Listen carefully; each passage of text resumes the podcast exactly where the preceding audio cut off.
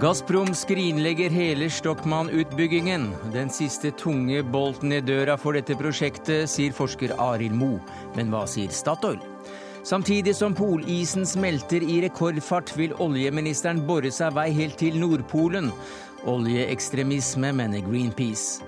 Pressen truer domstolens uavhengighet, mener advokat Beres Reiss-Andersen, og møter VG-redaktøren til debatt. 3000 milliarder kroner er Statens pensjonsfond verdt. Vi må slutte å bygge norsk pensjon på eritreisk slavehandel, mener Amnesty. Og Bård Vegar Solhjell irriteres over høyresiden, som påstår at de eier frihetsbegrepet, og møter Kristin Clemet i Dagsnytt 18.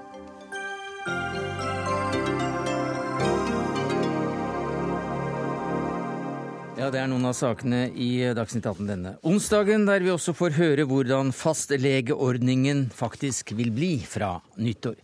Men vi starter med nyheten fra Financial Times som tikket inn i ettermiddag om at det russiske, russiske oljeselskapet Gazprom skrinlegger hele Stokman-utbyggingen. Og dermed blir gass for flere titalls milliarder dollar liggende på havsens bunn, iallfall foreløpig. Arild Moe, du er assisterende direktør ved Fridtjof Nansens institutt. Du har skrevet bok om dette selskapet. Hva leser du ut av dagens melding? Ja, Den eh, beskjeden som kom i dag, var ikke helt uventet. Det har jo vært helt klart de siste par månedene at uh, enten måtte noe fundamentalt skje i omformuleringen av prosjektet, eller så ville det bli skrinlagt.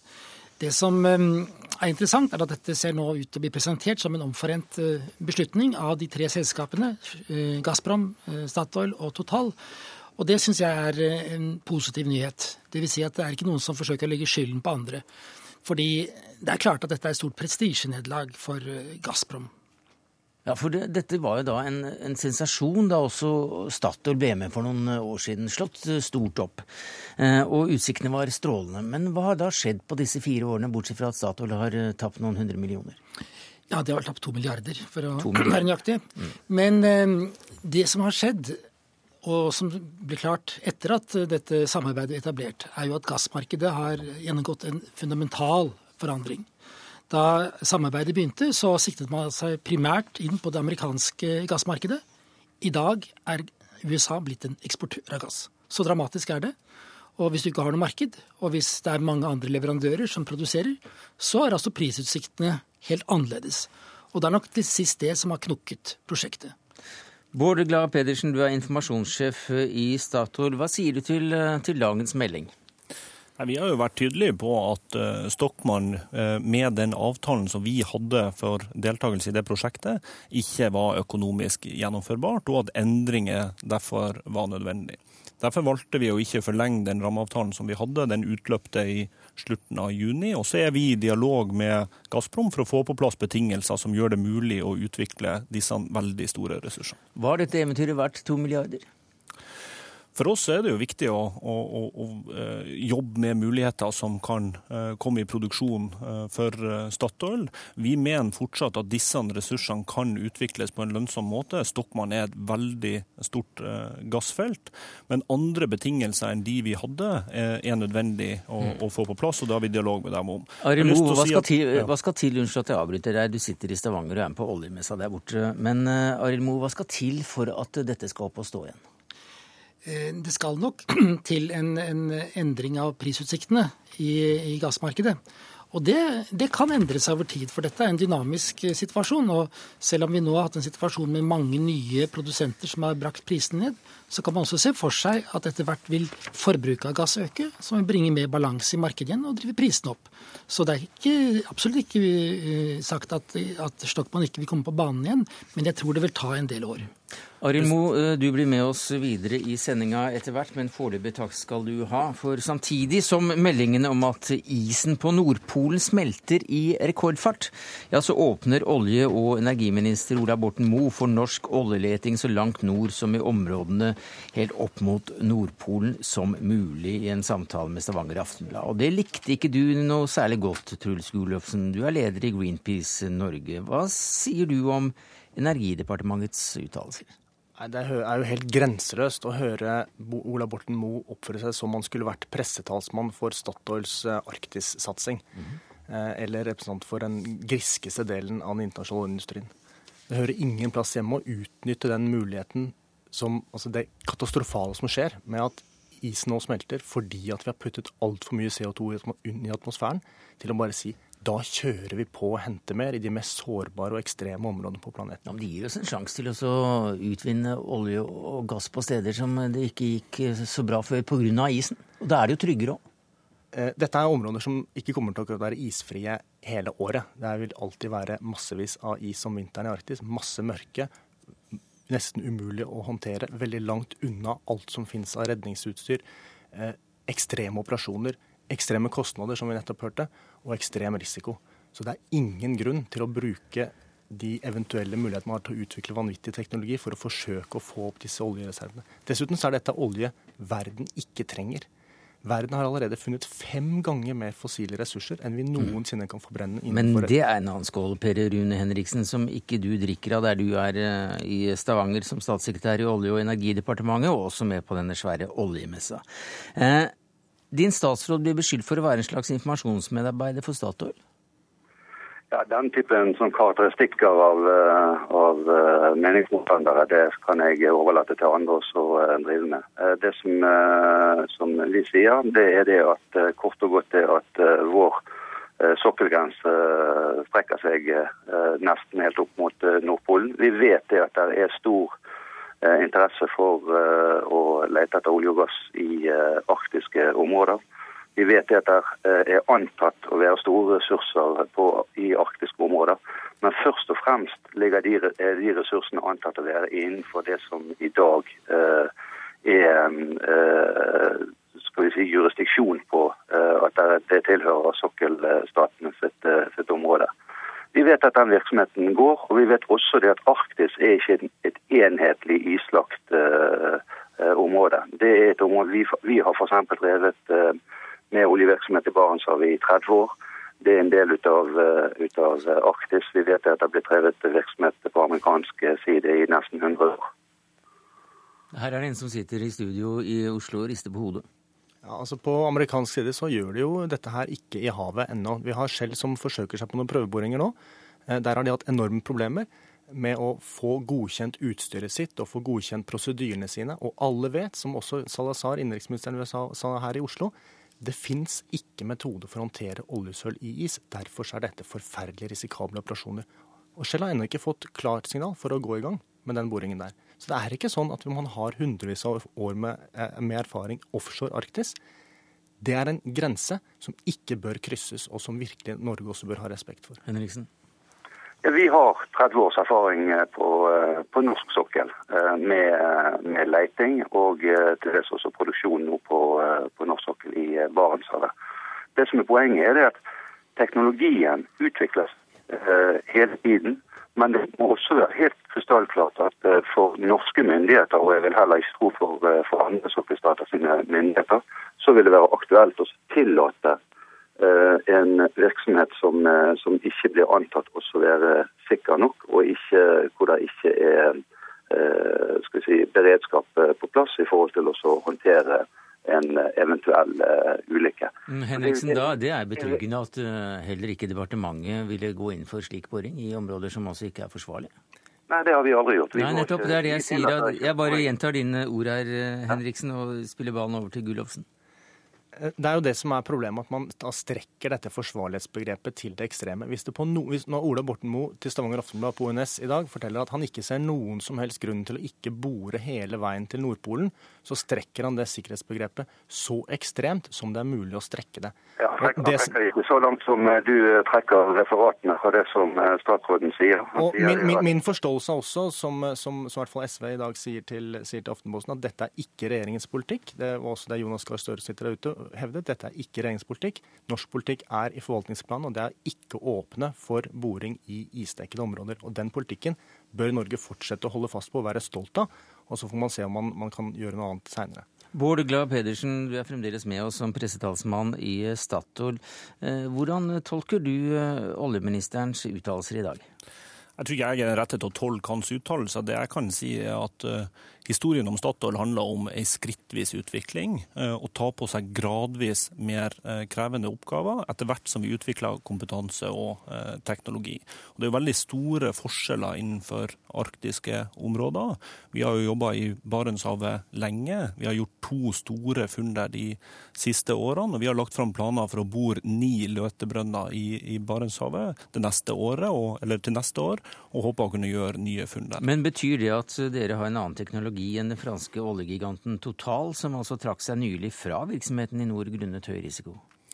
Jeg ønsker ikke å kommentere Total. De er jo partner med oss på, på Snøhvit og er også en del av, av samarbeidet rundt, eh, rundt Stockmann som vi har hatt. Vi har teknologi for å kunne gjennomføre sikre operasjoner i, i Barentshavet. Det har vi gjort, og vi har lagt fram planer for ytterligere leteboringer. Så vil vi gradvis eh, kunne eh, gjøre operasjoner i mer krevende omgivelser.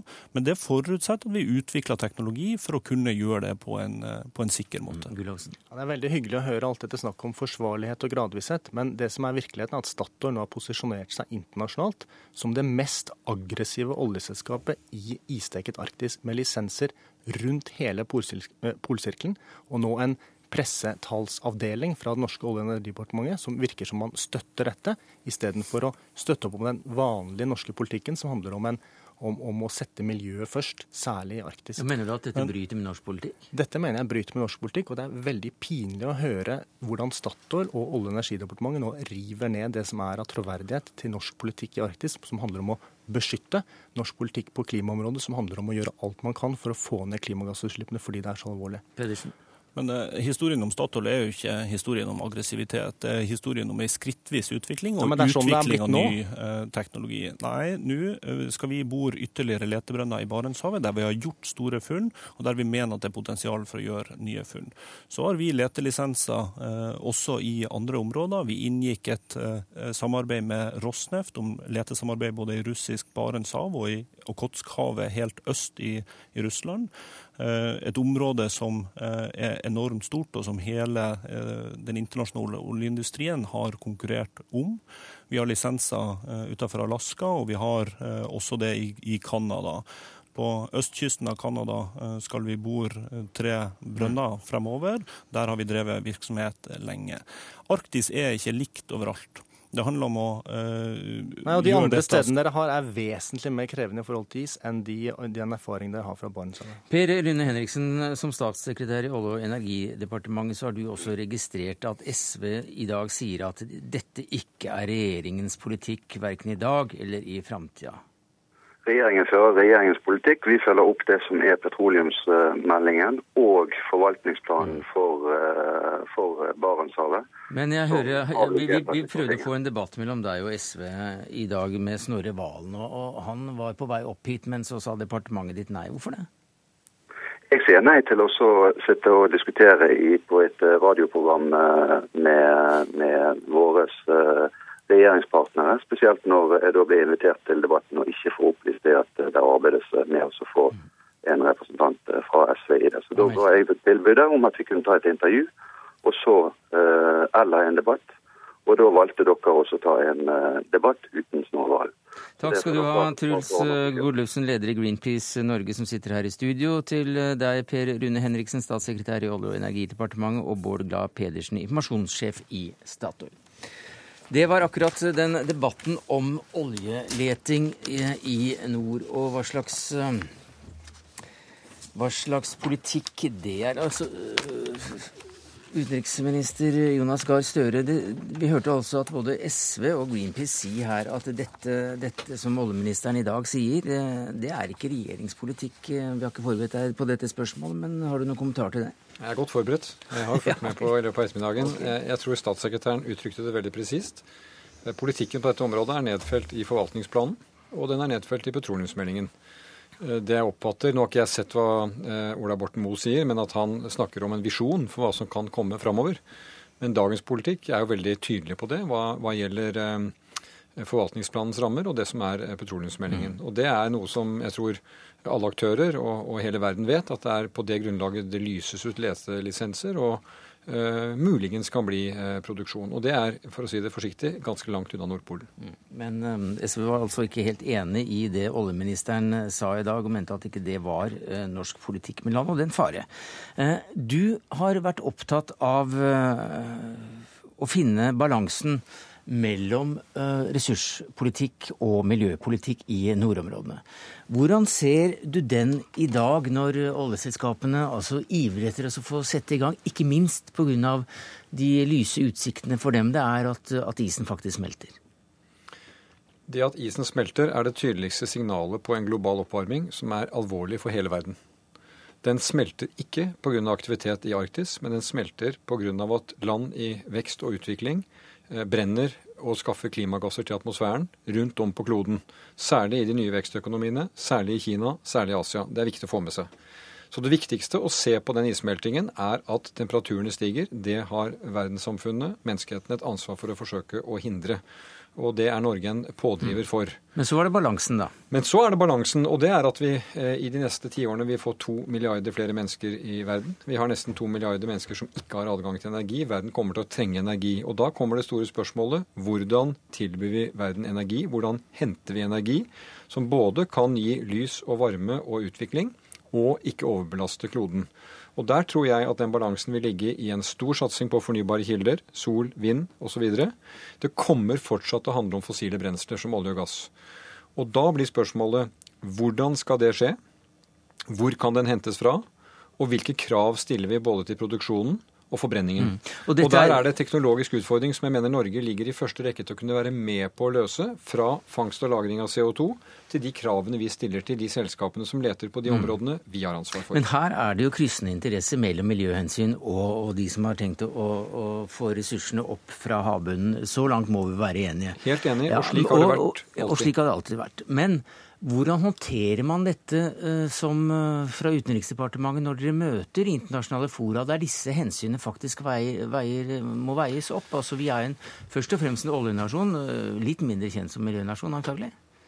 Det skal du ikke være sikker på i alle sammenhenger. Jeg leste den svenske utenriksminister som var med på debatter i Stavanger i går og foregårs, skrev på sin blogg i dag at han var imponert over den måten Norge, Stortinget og regjering hadde klart å finne denne balansen opp gjennom årene, og diskutere dette på en måte som gjør at vi finner kompromisser. Forvaltningsplanen, da den ble lagt fram første gang og annen gang, var det jo mange som ironiserte over at her var det kryssende hensyn fra miljøvern, eh, fra eh, fauna, fra transport, fra fiskeri, fra olje og gass. Ja, men slik er jo demokratisk politikk. Det er å finne kryssende hensyn. Og husk på det, det er jo satt betydelige grenser for utvikling av disse ressursene mm. på vår sokkel de siste 40 årene. Historien har jo vært skritt for skritt. En stund var det da du og jeg var unge, så skulle man ikke bore nord for 62. breddegrad. Da var det et prinsipp. Vel, i dag er vi nord for Hammerfest, men det er etter at vi har gått skritt for skritt og har et regelverk som gjør oss trygge på at vi kan gjøre det. Men det er vel også Utenriksdepartementets oppgave å dra med seg eh, tvisynet inn i internasjonale forhandlinger, og ikke minst i nordområdene. Og hvem er det dere godblunker til? Er det oljeindustrien, eller er det miljøinteressene? Grensene når man skal trekke grenser for avtaler i nord? En moderne nasjon må både tenke på tilgang på energi, krav til at den blir produsert på en fornuftig måte, og strenge krav til miljø. Ikke minst for Norge i nord, som har store fiskeriinteresser. Den, den fornybare ressursen i nord, verdens kanskje viktigste fiskeristamme, er torsken i Barentshavet. Alle disse hensynene tar vi med. Hvor godblunker vi? Vel, hvis jeg skal være litt uh, spissformulert, så er det til helheten. At den helheten henger sammen.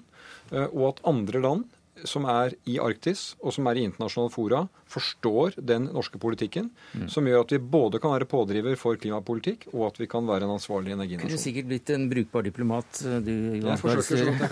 Arild Moe, eh, fremdeles nestsjef Fridtjof Nansens institutt.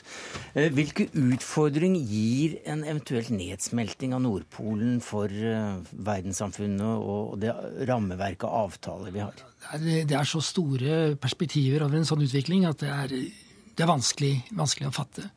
Eh, det er jo, som Støre var inne på, en indikasjon på en global klimaendring som eh, andre her kan uttrykke bedre når det gjelder det naturvitenskapelige.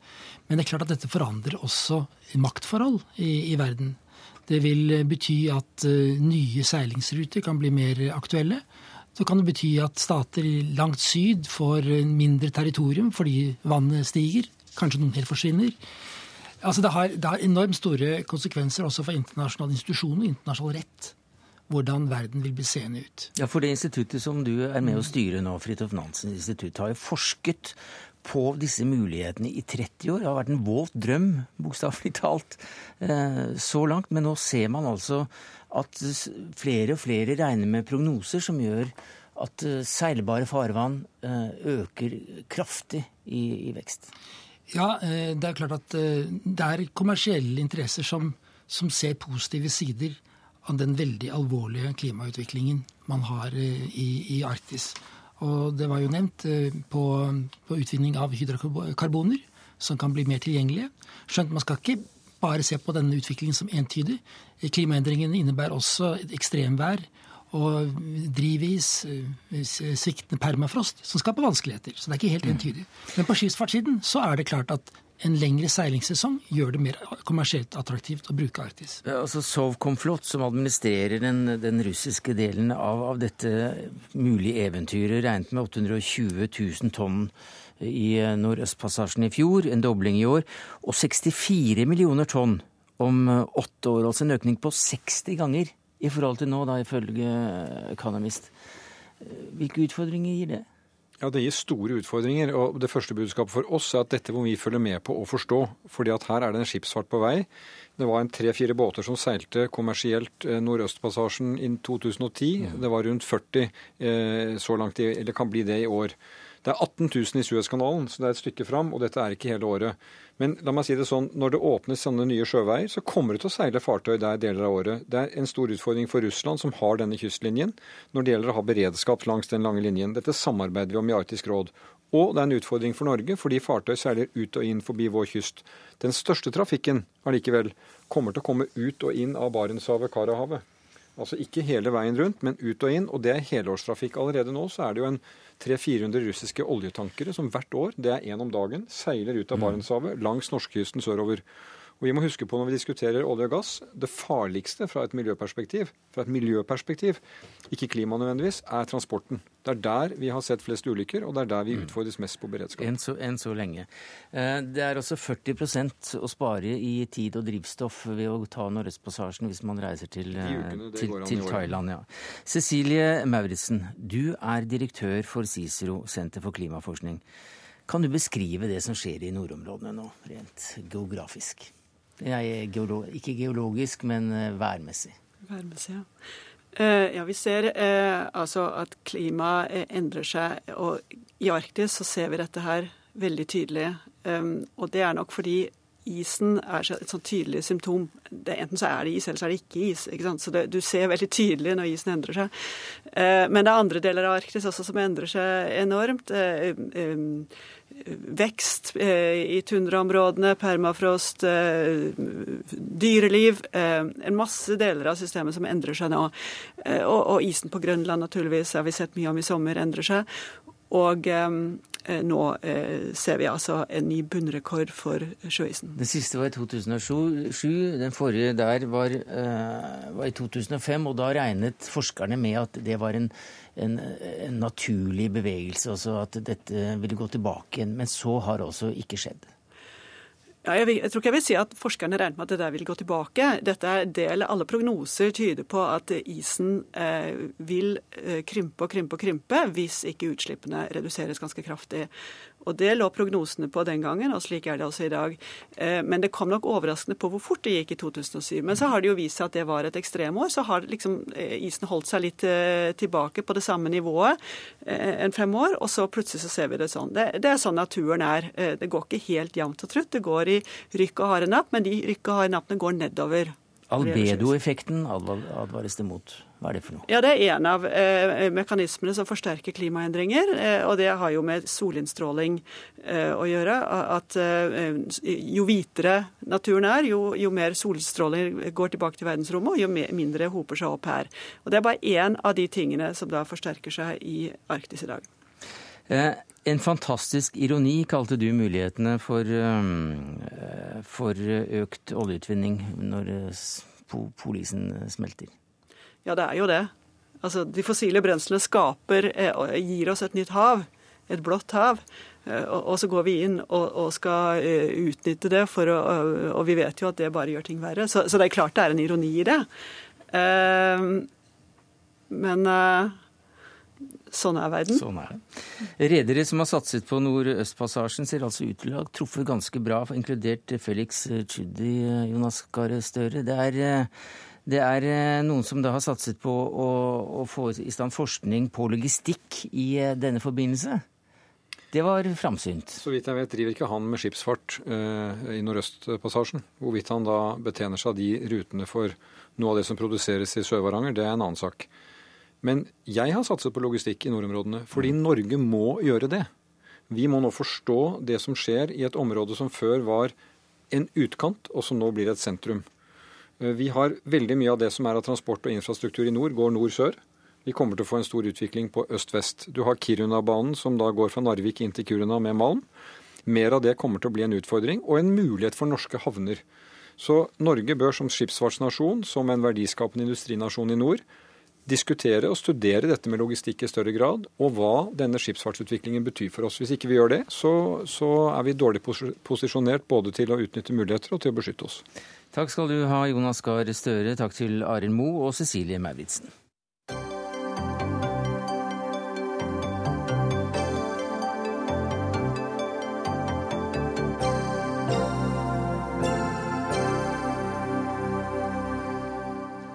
Etter 22.07-rettssaken så har det dukket opp en mengde viktige prinsipielle spørsmål, også knyttet til pressens arbeid. Og I en kronikk i VG i dag så kritiserer advokat Berit Reiss-Andersen både det hun mener er pressens overdrevne selvbilde, og for metodene den benyttet. Ja, du skriver at uh, den kampanjestyrte journalistikken er et angrep på dommernes uavhengighet. Men la oss starte med det første. Hvordan kommer det overdrevne selvbildet til syne?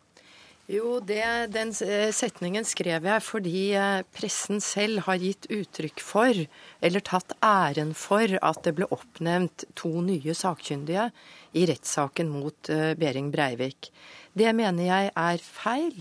Det som er problemet her, er i og for seg ikke selve rettsreportasjen, men det er alt det stoffet som presenteres før rettssaken starter. I den saken vi nettopp har lagt bak oss, så ble det krysset noen grenser. Det ble publisert en judisiell observasjon, som er en veldig intim behandling av et menneskes sjelsliv. Sakkyndigrapporten. Det stiller jeg meg kritisk til. Eh, publisering av vitneforklaringer stiller jeg meg kritisk til.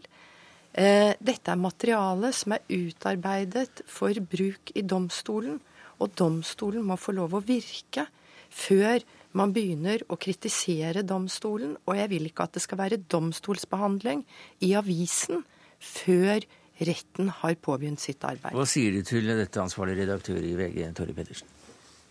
Eh, altså Når det gjelder dette med selvbildet, så kan jeg for så vidt ha eh, et sans for det argumentet, selv om jeg tror vi ligger litt lenger ned på tabellen enn advokater.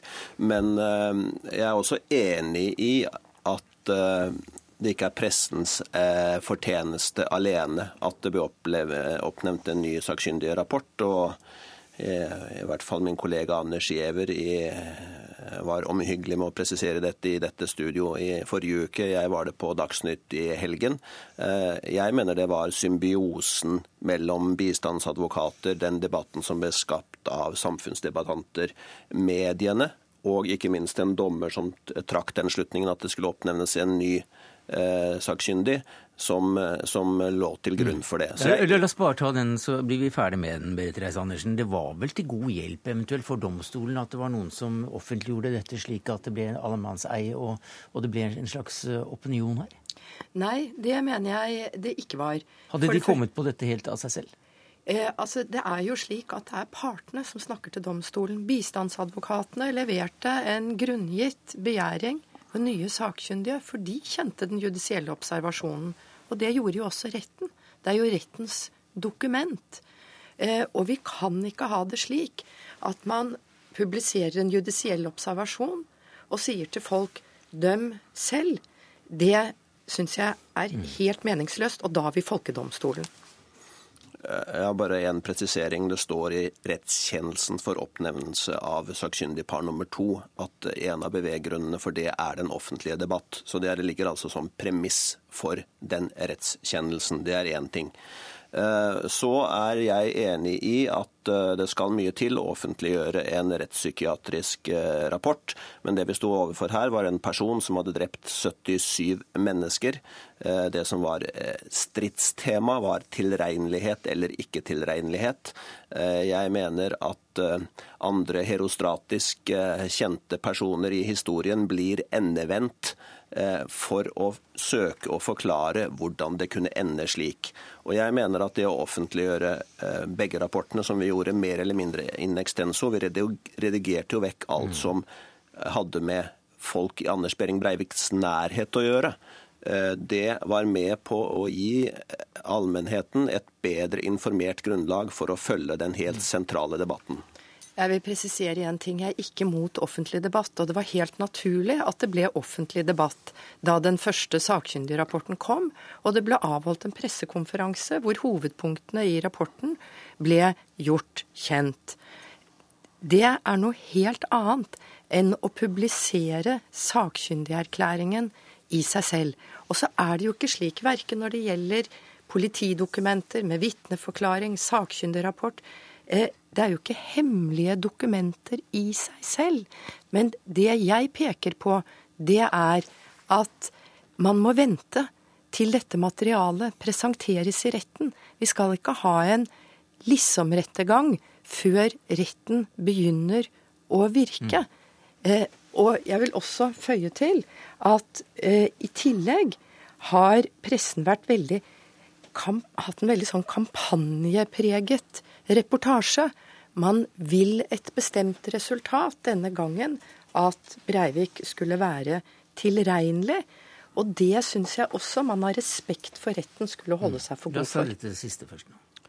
Eh, ja, I min avis har jeg i hvert fall ikke skrevet noen lederartikler hvor man eh, ber om det ene eller det andre resultatet. Eh, flere kommentatorer har nok brakt Absolutt. fram argumentasjon som går i den retning. Men det må jo være legitimt når det er det store stridsspørsmålet. Så det har jeg ikke noe problem med. Det gikk ganske lang tid mellom hver gang man kunne lese i noen aviser eller noen kommentarer i det hele tatt at uh, denne massedrapsmannen burde bli eh, kjent uh, utilregnelig. Men noen har faktisk også hevdet det i det offentlige rom. Og en grunn til at så få kanskje har gjort det, er vel at flere har ment at det ikke burde være resultatet. Mm. Men nå vil jeg gjerne tilbake til mitt prinsipielle syn. Det er, jeg er tilhenger av kritikk. Jeg er tilhenger av domstolskritikk. Jeg er tilhenger av offentlig debatt. Mitt poeng er imidlertid at pressen har et særlig ansvar når det gjelder rettssaker. For grunnen til at jeg pukker på disse tingene, at det skal frem i retten først, det er for å ivareta rettssikkerhetsprinsipper, ikke forhåndsdømming, at vitner skal forklare seg, ikke påvirke andre vitner. At vi skal ha en anstendighetsgrense hvor nærgående vi er overfor andre mm. menneskers sjelsliv, også massedrapsmenn. Eh, jeg mener prinsipielt at lekkasjer er eh, helt nødvendig som demokratiets brensel. Samtidig med det så mener jeg at det kreves stor aktsomhet å behandle lekkasjer relatert til saker som skal for retten. Eh, mange av de sakene som er publisert eh, basert på lekkasjer, vil jeg selv ikke trykket. Men jeg har ikke noe problem med å eh, forsvare det som har stått i VG når det gjelder både rekonstruksjonen og publiseringen av sakkyndigrapporten. Til slutt her, Berit Reise Andersen, vi nærmer oss avslutningen her. Til Kulturnytt her i P2 så sa du for en drøy time siden at du ikke trodde at dommerne i 22. juli-rettssaken har latt seg påvirke av det avisen har skrevet, så hva er problemet da? Ja, men jeg eh, vil gjerne se fremover. Når jeg sier at de ikke har latt seg påvirke, så er det slik jeg leser begrunnelsen for rettens avgjørelse, som ligger i en noe annen gate enn det som har vært den folkemeningen som ble eh, presentert Ok, i pressen. Takk skal du ha, Berit Reiss-Andersen, for at eh, du var i Dagsnytt 18 og forklarte i en debatt om hva du mente med VG-kronikken, som altså da vel å merke sto i VG. Takk også til Torre Pedersen, ansvarlig redaktør i denne avisen.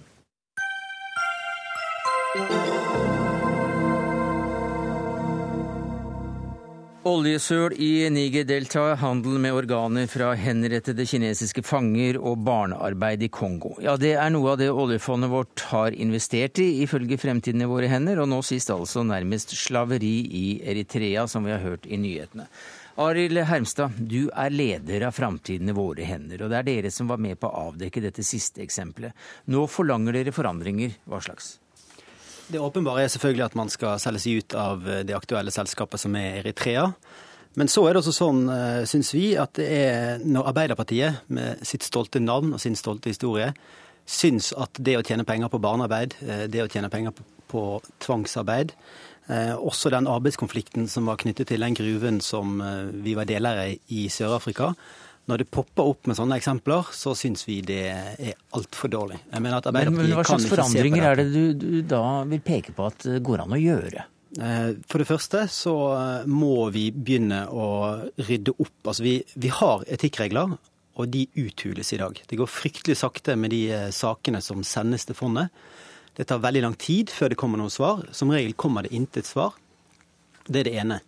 Eh, på lang sikt så mener vi også at eh, vi må selge oss ut av disse verstingselskapene og de verste bransjene, og begynne å investere pengene våre i løsningene på de problemene som verden står overfor. Og Det, det kan man altså gjøre og tjene penger. Det gjelder eh, f.eks. å løse klimaproblemet. Det gjelder også å fremme menneskerettigheter og arbeiderrettigheter. Hva sier du til det, Hilde Singsås, du er statssekretær i Finansdepartementet?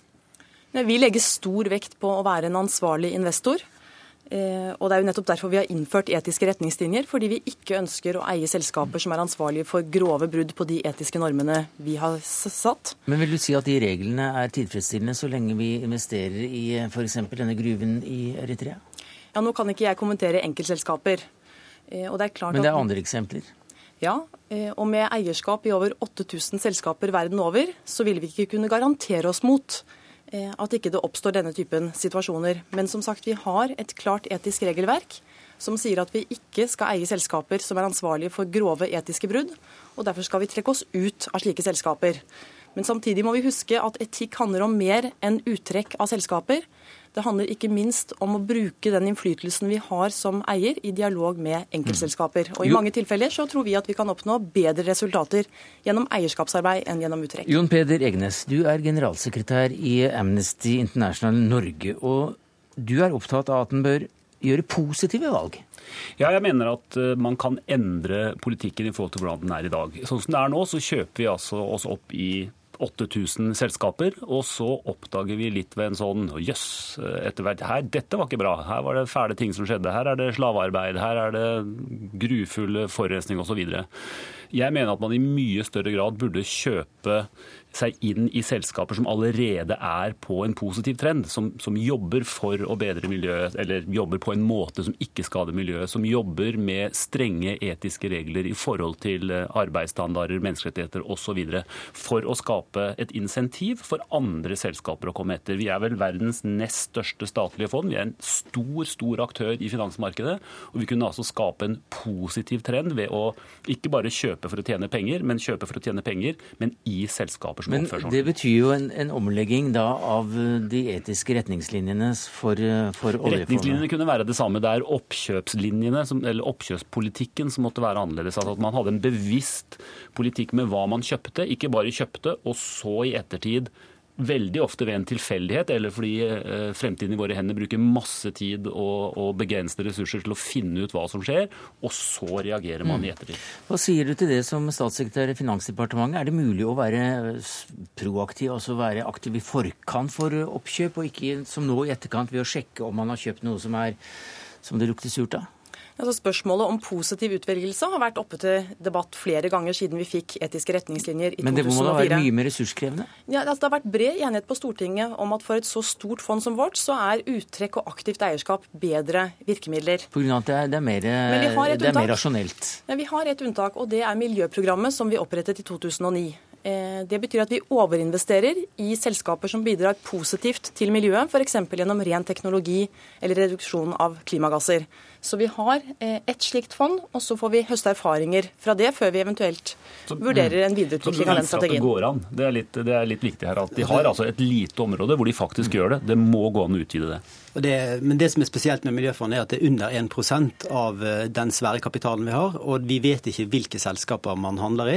Eh, og det må mye mer åpenhet rundt det. Og så må man altså kunne si at gruvebransjen, der er det så mye tvilsomme selskaper at der skal vi gjøre den sjekken før vi kjøper oss opp i de selskapene. Så unngår vi mange av de skandalene. Ja, det er mange som mener at det kunne ikke komme som en stor overraskelse at et gruveselskap i Eritrea kanskje hadde sider ved seg som ikke går hånd i hånd med, med norske demokratiske verdier? Altså, gruvesektoren er en sektor som Etikkrådet har sett spesielt på de siste årene. Eh, både arbeidsforhold og miljøforhold. vi i gruveselskap i Eritrea. Ja, men flere av de selskapene vi har trukket oss ut av, er nettopp gruveselskaper. Og likevel så investerer vi i gruveselskap i Eritrea. Ja, Vi mener ikke at vi kan utelukke hele den sektoren. Heller si ikke i Eritrea. Vi kan ikke si at gruvedrift per definisjon mm. er uetisk. Ikke Eritrea heller. Men avdekkes det grove etiske brudd, så skal vi trekke oss ut. Mm. Det... Nei, dette viser jo litt hvordan dette altså Regelverket mener vi er ganske godt, retningslinjene. Men det er hvordan det brukes. Og, og jeg har lyst til å ta tak i en ting eh, statssekretæren sa, dette med aktivt eierskap og, og, og uttrekk. Eh, det som er problematisk med det aktive eierskapet, er at det, at det, gjøres i total hemmelighet. Vi har forsøkt lenge å høre om hva skjer i denne såkalte eierskapsdialogen med Shell. Eh, Shell har ødelagt ødelagt Nigerdelta siden 1958. Norges Bank sier at de er i en aktiv dialog med styret for å forsøke å få til bedring. Hvor lenge skal de holde på før de sier nei, nå er nok nok, Shell endrer seg ikke? Ingen slike ting får vi vite. Og det de sier, er at det gjør det ikke for det kan, det kan på en måte skade forholdet til Shell.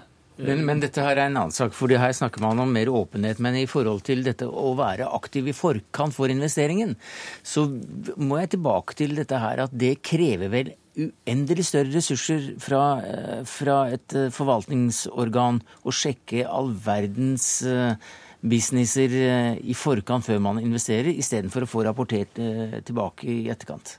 Altså, jeg tror ikke det vil være noen god løsning å skulle foreta en grundig gjennomgang av alle enkeltselskaper Nei. før vi investerer. Men det handler om mer enn ressurser. Det handler om at selv en forhåndsgodkjenning vil jo ikke gi noen garanti om at ikke selskapet endrer atferd eller produksjon en gang i framtiden. Vi investerer jo for evigheten nærmest, er et langsiktig fond. Og Det er derfor vi tror det er viktig å ha en løpende oppfølging av selskapene. Og så trekker vi oss altså ut hvis det avdekkes grove etiske brudd. Problemet med ressurser er jo at eh, de etiske retningslinjene følges ikke i dag. fordi Noen av de store selskapene vi har investert i, de har kanskje eh, operasjoner i 100 land. Mange av de er preget av korrupsjon. Eh, sånn at det er tilfeldig, og det er altfor lite ressurser som puttes inn i det. Vi mener jo at hvis vi hadde gjort denne jobben ordentlig, så er det også en investering for fremtiden. Altså en investering som vil gjøre at våre barnebarn får en bedre verden å vokse opp i, samtidig som de kan tjene penger på, på dette. For. Men vil man ikke miste en positiv effekt eh, i det godes kamp for, kamp for gode verdier eh, hvis man går bort ifra muligheten å kunne trekke seg ut? For det er et ganske sterkt signal når verdens nest største statseide pensjonsfond eh, trekker seg ut fra et selskap?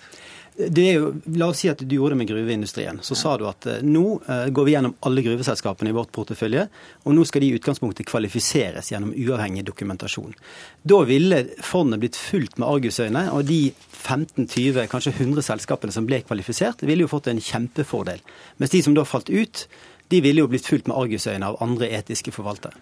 Og det er jo også et stort insentiv dersom det er slik at vi investerer i de som vi mener har en positiv påvirkning på miljø, menneskerettigheter osv. Så, videre. så, det, så det, er jo, det er jo to forskjellige insentiver. Et negativt insentiv og et positivt insentiv. Og det vil jo ikke bety at hvis man har investert et sted og noe skjer negativt, så har man sagt nei, her er vi inne for resten av livet. Da kan man selvfølgelig trekke seg ut. Jeg ser her at Tilde Singsås som statssekretær i Finansdepartementet har sittet og notert. Jeg vet ikke hva hun skal bruke disse notatene til, men takk for at du kom. Arild Heimstad, leder for Framtidene våre. Henne, takk skal du du og takk til Jon Peder Egnes, generalsekretær i Amnesty International Norge. Hør Dagsnytt 18 når du vil, på nettradio eller som podkast. nrk.no – dagsnytt 18.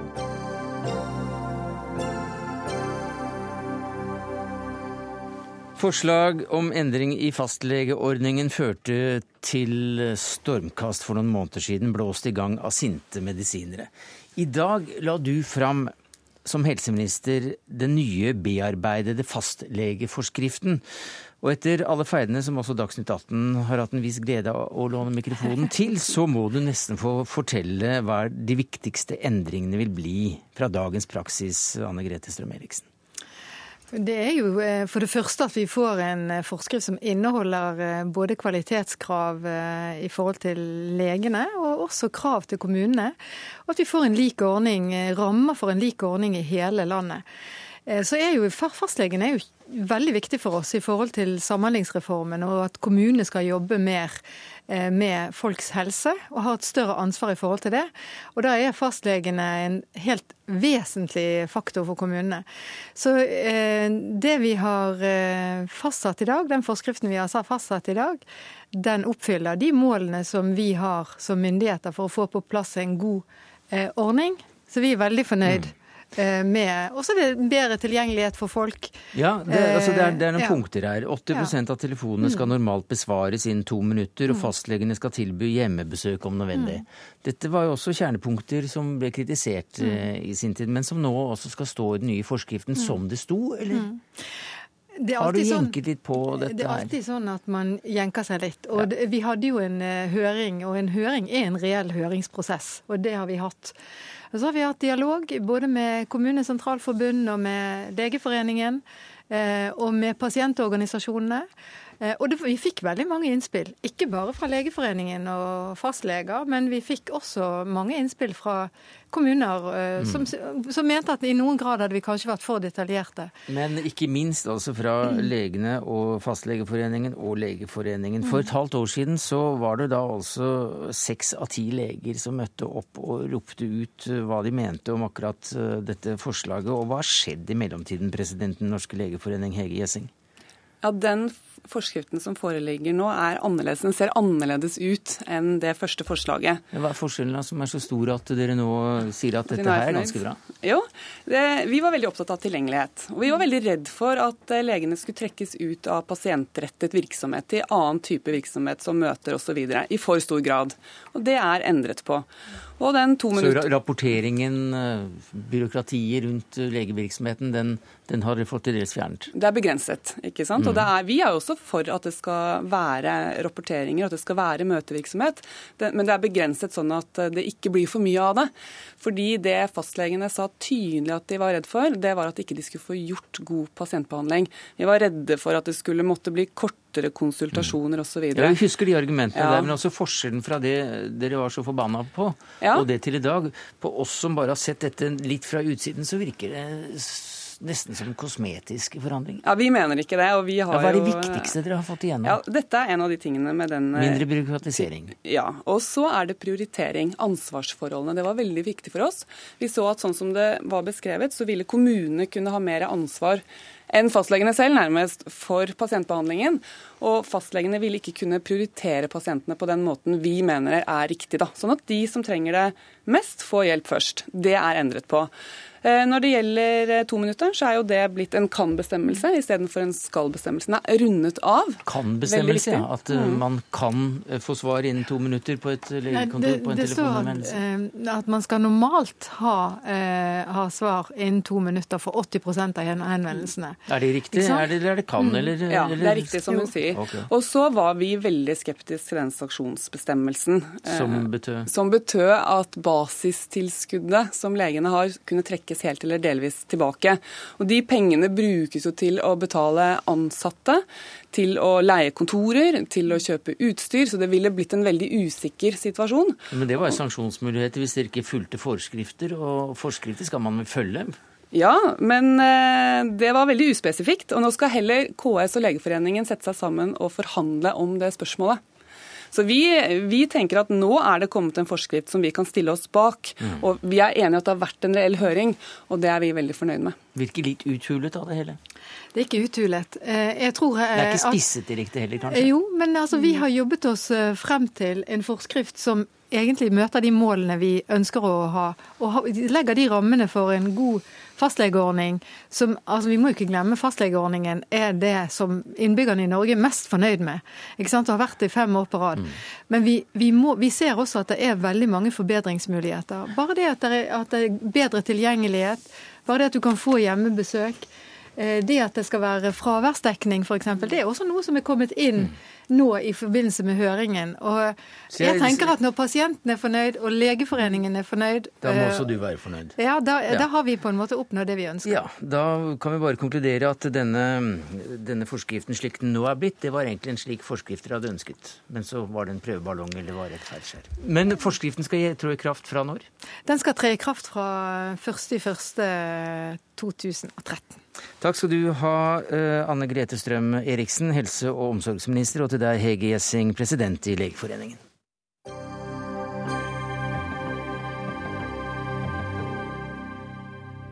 Ja, hvem eier friheten? Det var spørsmålet som ble stilt i en paneldebatt ved Universitetet i Stavanger i går. Og da sa du, Bård Vegar Solhjell, at venstresiden må ta friheten tilbake.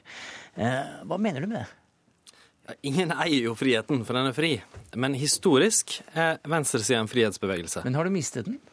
Ja, altså husk, Begrepet venstre oppstår i den franske revolusjonen, når de som er for frihet, likhet og brorskap vil velte eneveldet, setter seg på venstresida i den første nasjonalforsamlinga. Så eh, gjennom 100-150 år så kjemper folk som er på venstresida for frihet over store deler av verden. Men i dag tror jeg mange oppfatter det litt annerledes. Eh, litt av skylda må nok kommunistiske diktaturer i det forrige hundreåret ta. De er heldigvis i stort sett borte. Men jeg tror òg at synet på staten er en nøkkel. Mange på høyresida har oppfatta staten, velferdsordninger, fordelingspolitikk, regler til å være motstrid til frihet. Jeg mener at mange av de tingene, enten det er permisjonsordninger, Statens lånekasse for utdanning, mange reguleringer og tiltak, faktisk er med på å bidra til frihet. Ja, Det er noe greit nok, men samtidig så sier du at uh, få ting i politikken kan irritere deg mer enn at høyresiden eier frihetsbegrepet nå. Ja, ja, altså det, Jeg har skrevet det i den boka jeg ga ut i, ja. i fjor. Og jeg, og, og jeg, gjør egentlig fordi jeg sjøl ser på meg sjøl som en frihetlig en liberal sosialist. Og tilhører den tradisjonen som er venstreliberal. Eh, der som legger stor vekt på det vi kaller kulturell frihet. At man skal kunne leve som man vil. Ikke har statskirker, ulike religioner skal kunne leve eh, fritt. Et kulturelt mangfold, etnisk mangfold, stor grad av frihet fra overvåking, autonomi i forhold til staten. Men der jeg tror økonomisk likhet og velferdsordninger og den typen inngrep er med på å sikre friheter. Men likevel så ser jeg jo i den politiske debatten vi på venstresida har en jobb å gjøre for å ta begrepet tilbake til oss. Som, ja, vi skal også si, ta begrepet til, tilbake, og du ble skremt nå, Kristin Clemet? Nei, jeg, dette syns jeg i og for seg er interessant. For jeg syns det er bra hvis det er flere som kan være med å forsvare friheten, som dreier seg om muligheten til å selv å velge hvordan vi vil leve våre liv. Og jeg vil jo si at den som eier friheten, det er det liberale demokratiet. Der ikke bare borgerne skal ha makten over staten, men hvor også statens makt over borgerne skal være begrenset.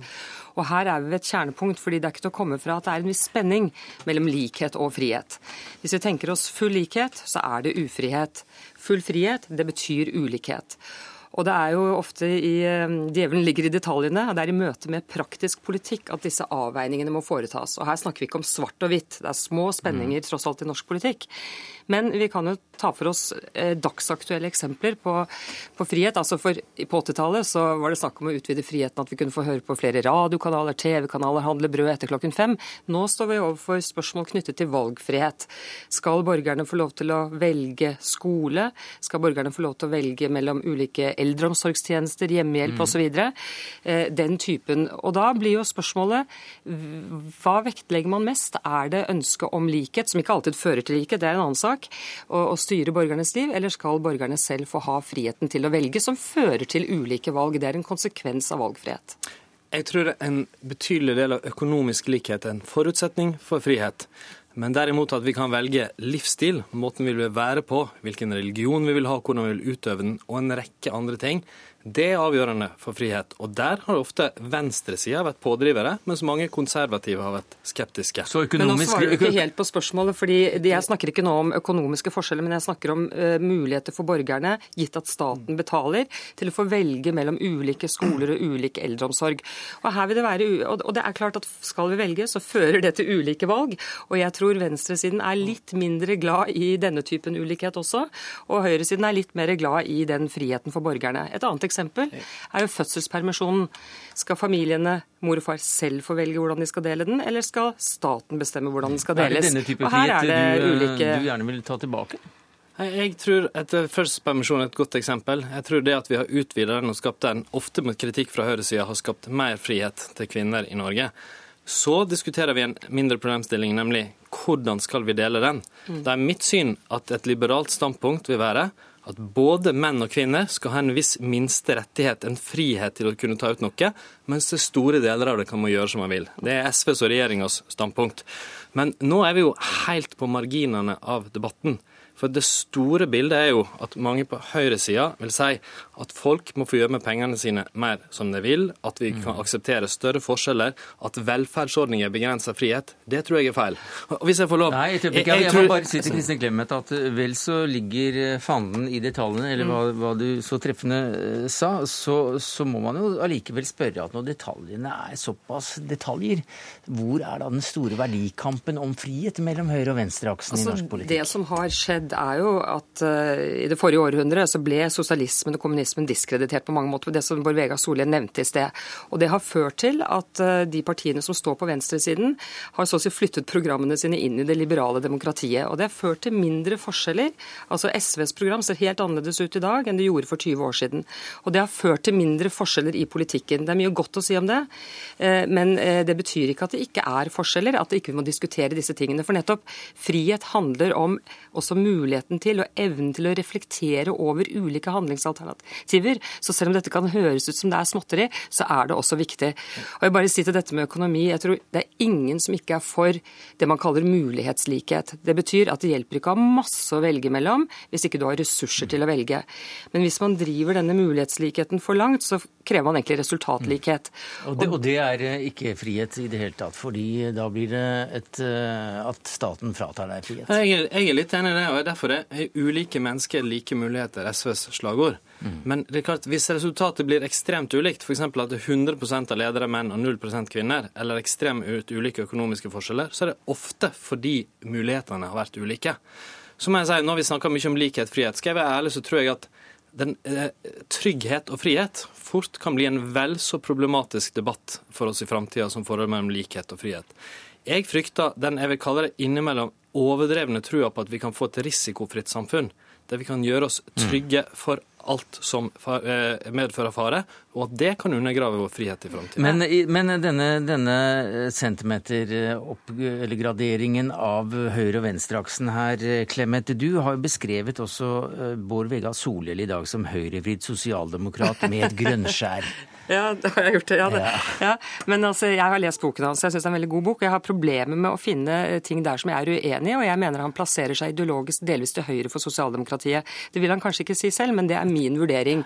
Altså, han er tilhenger av markedsøkonomi, av valgfrihet, av eh, private alternativer, som, og det syns jeg, jeg, er bra. Men jeg tror nok ikke alle på venstresiden er plassert der. Men det man hører nå, er at Solhjell egentlig forsøker å flytte denne debatten enda mer i retning Høyre, og vil gjenerobre erobre friheten, og det er jo egentlig bare, bare positivt. La meg til slutt si at jeg er enig i dette med trygghet og frihet. Det er jo en klassisk hersketeknikk. Når man er tom for argumenter, karakteriserer motstanderen på en måte som man vet hans mediespillere ikke vil like.